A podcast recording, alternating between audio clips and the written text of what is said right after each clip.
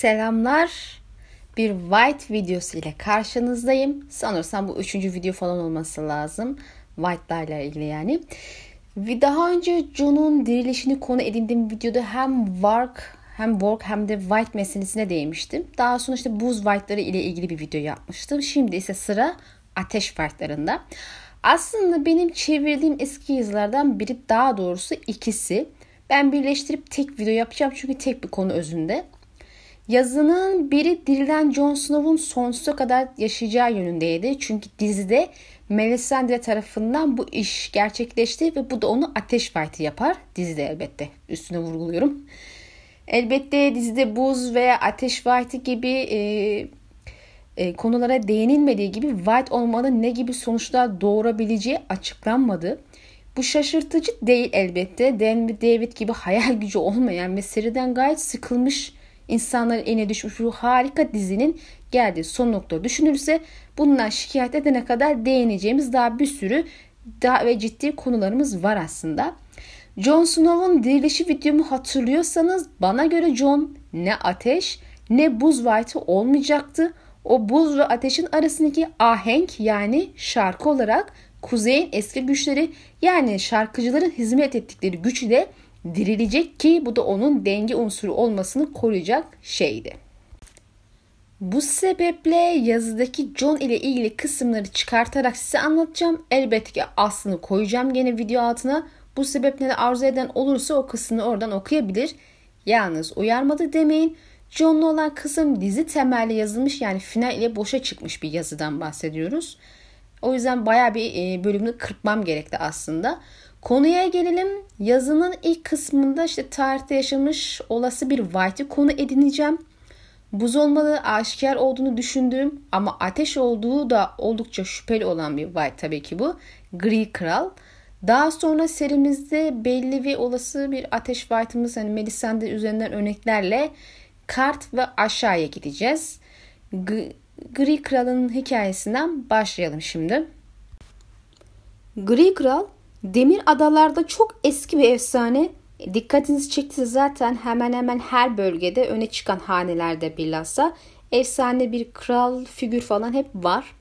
Demir doğumlar için bu Gri Kral'ın kendisi. Karavanlar çağında yaşamıştır, güçlüdür ve denize hükmetmektedir. Muhtemelen bundan kasıt işte Filos ile denizlerde tek güç olmasına atıf. Bu kral kendisine eş olarak bir deniz kızı seçer. Böylece çocukları hem karada hem de denizde yaşayabilecektir. Kralın gerçek ismi bilinmiyor. Sakalı ve gözleri kış denizi gibi gri olduğu için bu ismi almış. Yalos isimli tacıyla kendisinin denizden ve deniz altında yaşayan boğulmuş tanrıdan geldiğini iddia eder. Gerçi demir doğumlar genel olarak bunu iddia ediyor zaten. E, tarihteki en büyük başarısı ise deniz ejderhası olarak bilinen Nakka'yı öldürmesidir. Bu yaratık öyle büyüktür ki krakenler ve dev deniz canavarı ile beslenmekte ve tek lokmada hepsini yutabilmektedir. Kral öldürdüğü ejderhanın kemiklerini kullanarak kendisine muazzam bir kale yaptırmıştır. Kaburgalarını, özür dilerim, kaburgalarını kiriş ve kemer olarak kullanmıştır. Ve bu kalede de bin yıl boyunca sakalı ve gözleri gibi derisi de grileşinceye kadar hükmetmiştir. Sonunda da Yalos tacından feragat ederek denize boğulmuş tanrısının yanına giderek onun sağ kolu olmuştur. En azından gidiş amacı buymuş. Kendisi arkasında 100 evlat bırakmıştır. Demir Adalar tarihinde bizi ilgilenen kısım bu kadar şimdilik. Gri Kral'ın yaşadığı veya yaşamadığı iddiasında bulunan okuyucular var. E, ben yaşadığı düşüncesindeyim. E, şüphesiz ki Martin'in yazdığı her efsane ve tarihi kaydın doğru olmadığı ortada. Ama gerçekçi olursak büyünün ve diğer gizemli şeylerin olduğu bir kurgu evreninde yüzyıllarca yaşamış güçlü bir kralın yaşamadığını düşünmek için bir sebep görmüyorum. En azından o kralın e, bin yıl gibi bir sürede e, süre yaşamamış olması için bir sebep görmüyorum. Çünkü genelde de e, gri kral üzerinden hani itiraz edilirken daha çok bin yıl yaşamasına itiraz ediliyor. Yani zaten özellikle de çevremizde yani kitaplara baktığımızda çevremizde böyle binlerce yıl yaşamış canlılar varken şüphe etmek bana mantıklı gelmiyor. E, bu tarz efsanelerin abartıldığı ve biraz ekleme yapıldığını düşünerek yaklaşmak faydalıdır. Çünkü zaten bizim e, dünyamızdaki efsaneler bile özde gerçektir. Ama üstüne işte eklemeler yapıldığı için hani gerçekler bunların altında bir yerde saklıdır. Hani unutmayın ki Truva şehri bulunana kadar sadece bir efsane olarak kabul görülmüştü ve yine efsanelerden yola çıkarak yeri bulunmuştu. Bu yüzden hani saçma veya olanaksız demek yerine duyduğumuz efsanelerin hangi bölümünün doğru olabileceğini düşünmek daha sağlıklı bir yaklaşım olacaktır kanımca. Şimdi konuyu dağıtmayan, dağıtmadan Gri Kral'a geri dönelim. Efsanede dikkatimizi çeken kısım şunlar. Kralın bin yıl yaşaması, derisinin falan grileşmesi ve bin yılın sonunda tahtından feragat edip kendini denize atması. Yani adam bir türlü ölmemiş ve sonunda kurtuluşu kendini öldürmekte bulmuş. Yani demir doğumlar elbette bu son kısmı süsleyip simgesel olarak ifade etmişler. Gri Kral'ın denizle haşır neşirliği yüzünden Su White olabileceğini düşünenler var.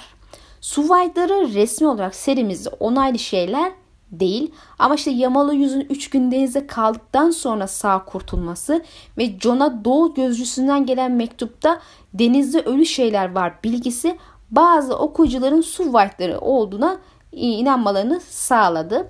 Ben kesin var ya da kesin yok diyemem. İkisini iddia etmek için de elimizde yeterli bilgi olduğunu düşünmüyorum ama neticede su white'larının var olma olasılıklarını reddetmediğimi de belirtmek isterim. Hani buz ve ateş büyüsü olduğu için bunların white'ları olduğunu gördük. E, Roin halklarının su büyüleri kullandığını biliyoruz. E, bu durumda belki bu da su white'ları olabileceğinin mantıksal bir temeli olabilir. Yani 3 baş var videomu hatırlarsanız 3 çeşit büyük kaynağı olduğunu ve kanın bu büyülerin temeli olduğunu söylemiştim. Yani işte buz, ateş ve yeşil olarak ifade ettiğim şarkıcıların kullandığı doğa kaynaklı büyü. Haliyle neden su büyüsü varken su white'ı olmasın? Hani Martin isterse bunun için hikaye temeli var yani. Ha ileride fikrim değişebilir elbette iki iddiadan birini savunabilirim. Gri Kral bir su white olsa bile benim burada dikkat çekmek istediğim nokta bir white'ın uzun ömürlü olmasına ve hatta üreme yeteneğini yitirmediğine örnek olarak gösterilebilmesi. Elbette kendisinin bir white olmadığını düşünenler olduğunu söylemiştim ama ben bin sene yaşamasının ve bu sebeple derisine kadar grileşmesini ve sonunda ölümle değil de tahtından vazgeçerek kendini denize atarak ölebilmesini onun bir white olmasını yoruyorum.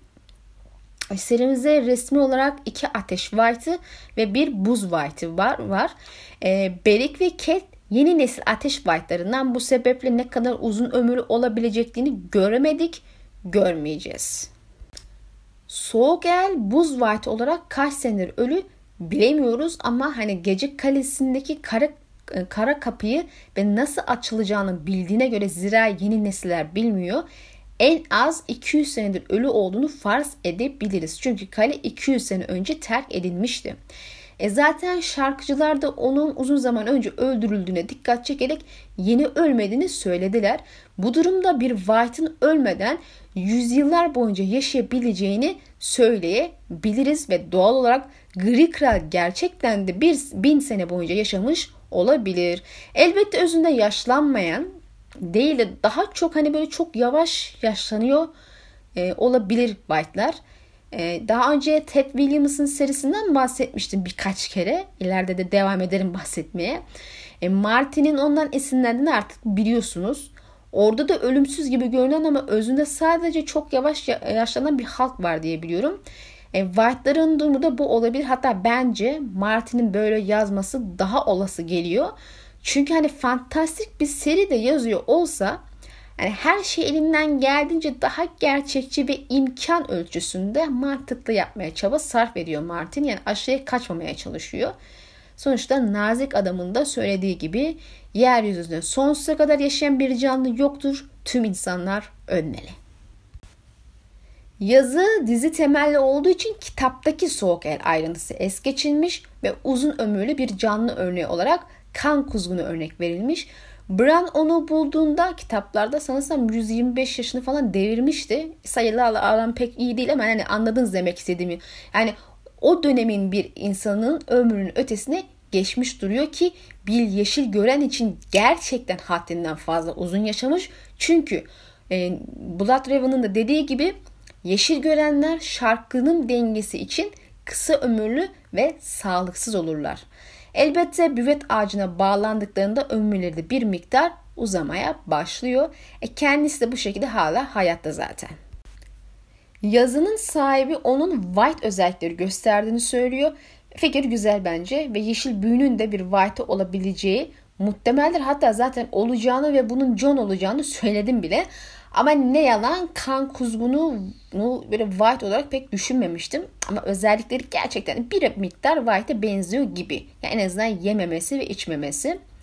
Tabii bunun ötesi var mı yok mu çok bilemiyoruz ama varmış gibi gözükmüyor. Bir şey diyemeyeceğim net olarak. Bence white değil ama. Ama ona yakın bir şey sayılabilir. E, neticede kendisi ölüp dirilmediği için white olamaz. En önemlisi ömrünü uzatmak için büvet ağacına bağlanmak zorunda kalmazdı. Ama büvet ağacı bir miktar yaşam kaynağı olarak onu hayatta tutuyor. Ama belli ki son demlerinde yaşıyor. İçinde çok az can kalmış ve onu da brana güçlerini öğretip kışa hazırlanması için kullanıyor. Yani 6. kitapta kendisinin öldüğünü göreceğiz zaten. Bu bize ne açıdan örnek olabilir? Bir insan ömrü büyüsel etkilerle bir miktar dahi olsa uzatılabiliyor. Ve işte bu da bizi asıl konumuza götürüyor. Ateş white'ları. Şimdi white'lar dirildikleri büyük kaynağı dışında tamamen aynı özellikle sahip görünüyorlarsa ben ne diye ateş white'ları ile ilgili bir video yapıyorum. Hani fazladan ek bir özellikler falan mı var? Hayır yok. Mesele onların sahip oldukları özellikler değil, ateş white'larının sandığımızdan daha fazla ortalıkta geziniyor olabileceği fikri. Biz resmi olarak iki tane gördük ve bir ihtimalde Melisandre'nin ateş white olabileceğini düşündük. Çünkü bütün özellikleri gösteriyor. Ama üç taneden fazla olabilirler. Hatta bir şehir dolusu olabilir. Haydi hep beraber kart ve aşağıya gidelim. Aşağıya ilk kitaptan beri ismini duyduğumuz Kart ise ikinci kitapta gördüğümüz iki ayrı şehir. Kart'ı ilginç kılan tek şey en azından benim için bir zamanlar ölümsüzlerin yaşadığı ölümsüzler sarayıydı. Şimdi ölümsüzler oldukça ilginç kişiler olarak önümüze serildi. En başta kesinlikle büyük güçleri var ve hafife alınacak cinsten de değil çok güçlüler. Eğer iddia ettikleri doğru ise. Kırmızı kuyruklu yıldızı kendilerine gelmesi için Deni'ye gönderen onlarmış. Aslında Deni de bu yıldızın ona ilahlar tarafından gönderildiğini ve ona yol göstermesi için olduğunu inanmış ve yıldızı takip etmiş ve onu gerçekten de karta getirmiştir. Bu sebeple iddiaları gerçek olabilir. E zaten kırmızı kuyruklu yıldızın muhtemelen Azar Ohay kentinde bahsedilen kanayan yıldız olduğunu zira Dotraklar da ona bu ismi vermişti kanayan yıldız diyorlardı ve ejderhaların ve Deni'nin dönüşü ve yükselişin haber verdiği ortada gibi görünüyor. Ölümsüzlerle ilgili dikkat çeken bir diğer şey ise aşırı derecede yaşlı olmaları. En az bin, bin senedir deneyi bekliyorlarmış. Yani en az bin yaşındalar ama muhtemelen çok daha yaşlılar. Göz bağı büyüsü gibi bir şeyle kendilerini bir zamanlar oldukları şekilde gösteriyor gibi görünseler de aslında derileri pörsünmüş ve görünürde birer cesede benzeyen Nefes almayan ve bariz ki yemeyen, içmeyen türden canlılar bunlar. Öyle gibi bir kıpırtısız duruyorlardı. Kanların rengi konusunda bir iddiada bulunamam ama white özelliği gösterdikleri aşikar. En azından bin senedir yaşayıp ölmedikleri için de kart büyücüleri onlara ölümsüzler demiş. Çivit renkli sisin arasından sağ tarafındaki ölümsüzün pörsümüş ayrıntını çıkarabiliyordu Deni.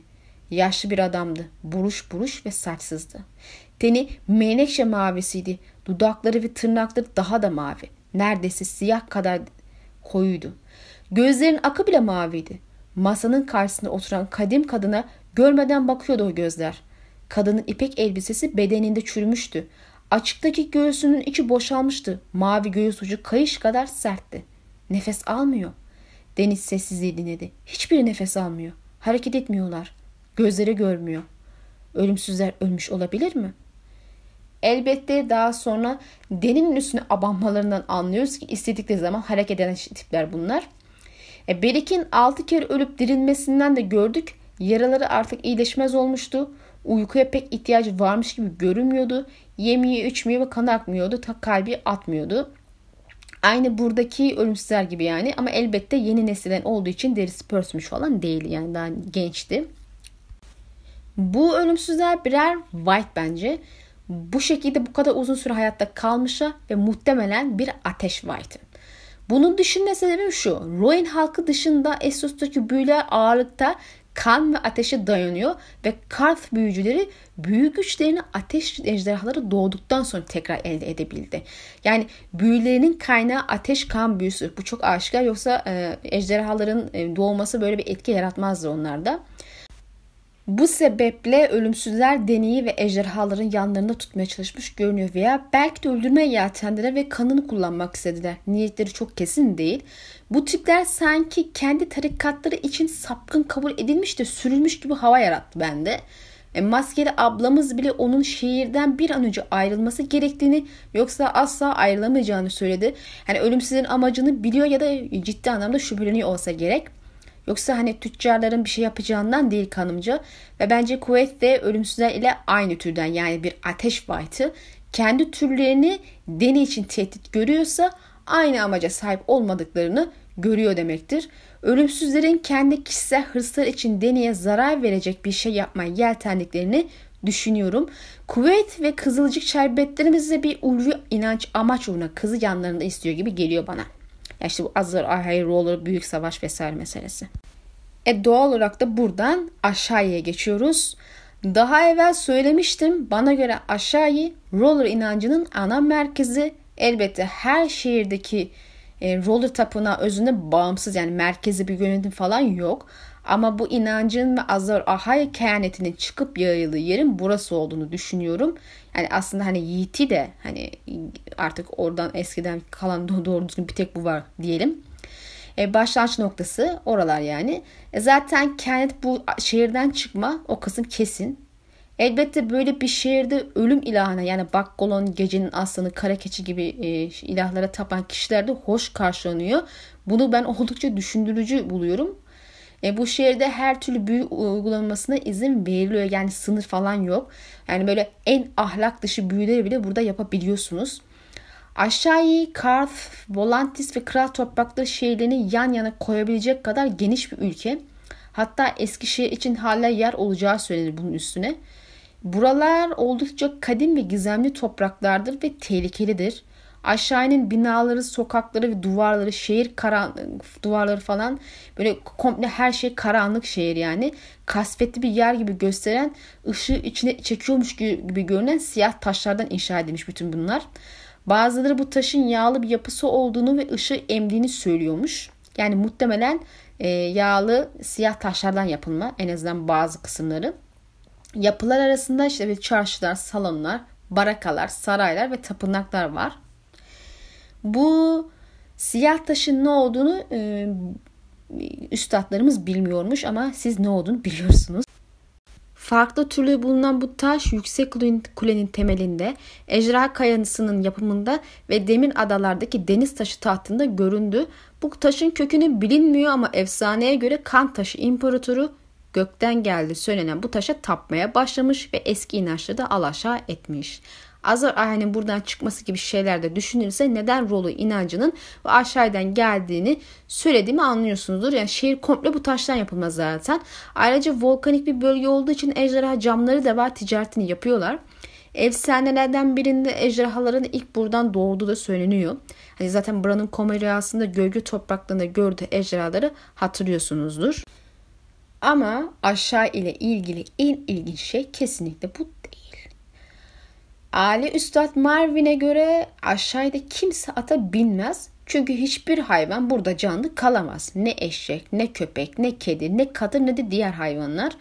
Buraya bu hayvanları getirseniz bile kısa sürede ölür ve gider. Buradaki su çok sağlıklı falan değildir. Bu sebeple içemezsiniz ve daha da ilginci aşağıda hiç çocukta yoktur. Çocukların olmadığı bir şehir. Bence çok ilginç. Burada hayvanlar yaşayamadığı gibi hiçbir yiyecekte büyümüyor. Şehre yemek ve su ticaretle ithal ediliyor. Şimdi böyle bir şehrin nüfusu ne ola ki? Şimdi kaynaklara göre bir pazar kasabasının nüfusundan daha kalabalık değil. Yani oldukça e, devasa bir nüfustan bahsedemeyiz. Geceleri sokaklar ıssızlaşıyor ve 10 binadan sadece birinde ışık görünüyor. En kalabalık sayılan saatlerde bile böyle sokaklar ve sessiz Hani mallarını satmak için bağıran tüccarlar veya işte sokak köşelerinde dedikodu yapan kadınları burada bulamazsınız. Alışık olduğumuz sahnelere e, gebe değil burası. Bu sokaklarda yürüyen insanlar ya maskelidir ya da peçelidir. Çoğu zaman yalnız yürüyorlar ya da köleleri taşıdığı perdeli tahteveranlar içinde yediler. Tekinsiz halleri vardır ama en tekinsizleri verniklenmiş maske takan gölge bağcılarıdır. Yani evet kuvvetle bir gölge bağcısı olarak oldukça şüpheli ve tekinsiz biri. Hani güvenmediğimi söylemiştim daha önce bu kadına. Melisandre'den gördük ki burası da ateş ve kan büyüleri yapıyor. Miri'nin burada eğitim gördüğünü biliyoruz. Ateş büyüsü ölü vaziyette öldüğü için, olduğu için o dönemler hani onu bu büyü kullanırken görmedik ama kan büyüsü yapmıştı. Ve bu büyü ölmekte olan bir adamı ölümün kapısından döndüren bir büyüydü ve aşağıya da öğrendi bir şey. Yani bu önemli. Hani ölümden dönmek. Şimdi bir toparlayalım. Çok az yerli nüfusun varlığını sürdürdüğü ve onların da maskeli ya da peçeli olarak yüzlerini gizlemeyi seçtiği aşağıda hiçbir hayvan ve bitki büyümüyor. Çocuk da yok. Azor Ahai ve Rolu inancının çıkış yeri gibi görünüyor. Zaten burada bir Rolu tapınağı vesaire var. Ayrıca efsanelerde ejderhaların doğduğu yerlerden biri olarak anlatılıyor. Her türlü büyü uygulamasına izin veriliyor ama Melisande örneğinden gördüğümüze göre temelde ateş ve kan büyüsü kullanıyor gibiler. Pekala yemeyen, içmeyen ve çocuk yapmayan insanlar var karşımızda. Yani bunlar birer white, ateş white'ları bitkinin ve hayvanın hayatta kalamadığı, susuz, yemeksiz bir ülkede nasıl hayatta kalırsın? Mantıken kalamazsın. Elbette verdiğim bilgilerde yemek ve suyun dışarıdan ticaretle geldiğini söyledim. Yani özde yerler bunları tüketiyordu ola. Bilir ama kimse aksini zaten %100 şeklinde iddia edemez. Ama ben bunların daha çok şehri, büyü ve benzeri şeyler için ziyarete gelen kişiler için olduğunu düşünüyorum bu yiyecekleri. E, Melisandre'nin ateş vartı olduğuna inanıyorsanız bu şehirdeki rolocuların da ateş vartı olduklarını farz etmenin yanlış olmayacağını biliyorsunuzdur.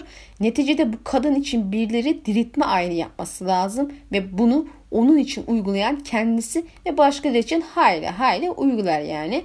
E, şimdi bir White için de yemek ve suyun olmadığı bir şehirde yaşamak bir sıkıntı değildir. İhtiyacı yok zira. Çocuk kısmı Yapamadıkları için olabilir, yapmamayı tercih ettikleri için de olabilir. Neticede bir çocuk doğduğunda ölüm deneyimi yaşamamış bir canlı olacaktır ve devamlı olarak yemesi ve içmesi ile ilgilenilmesi şartlar düşünüldüğünde de oldukça zor. Elbette burada her türlü vicdanı kanatacak şekilde büyü ayinleri vesaire yapılmasına izin verildiği için yani bunların yapıldığını farz edersek bir ihtimal hani çocuk sahibi olanların bu çocukları büyüleri kurban ediyor olması da bir ayrı olasılık bence. Neticede çocuklarını kurban eden insan da okuduk. Bu gözler bunu gördü yani. Ve bildiğiniz gibi bence onlar kan büyüleri için zamanında e, işte ötekileri verilmiştir. Krasların çocuklarından bahsediyorum yani. Ha bir de unutmamak gerekir ki nüfusları çok yüksek değil. Ama çocuk sahibi olmadıkları düşünülürse bir düşüş de görünmüyor. Mantıken çocuk yoksa yeni nesil de yoktur ve doğal olarak nüfus yaşlanır ve ölüp yok olur gider. Aşağılar ise binlerce yıldır varlıklarını sürdürmekte zorlanıyor, görülmüyorlar. Nasıl?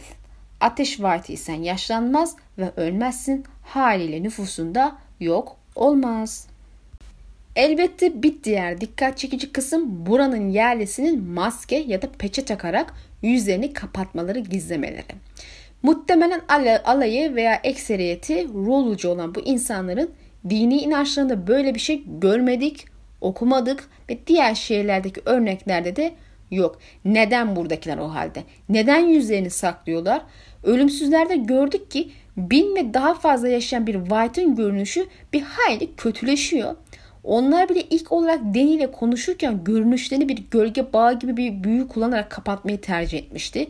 Hani Deni Drogon sayesinde adamların bedenlerinin olduğu odayı bulmuştu. Gri Kral önüne bakarsak da derisine kadar grileyen, dış görünüşü bozulmaya uğrayan bir başka White gördük.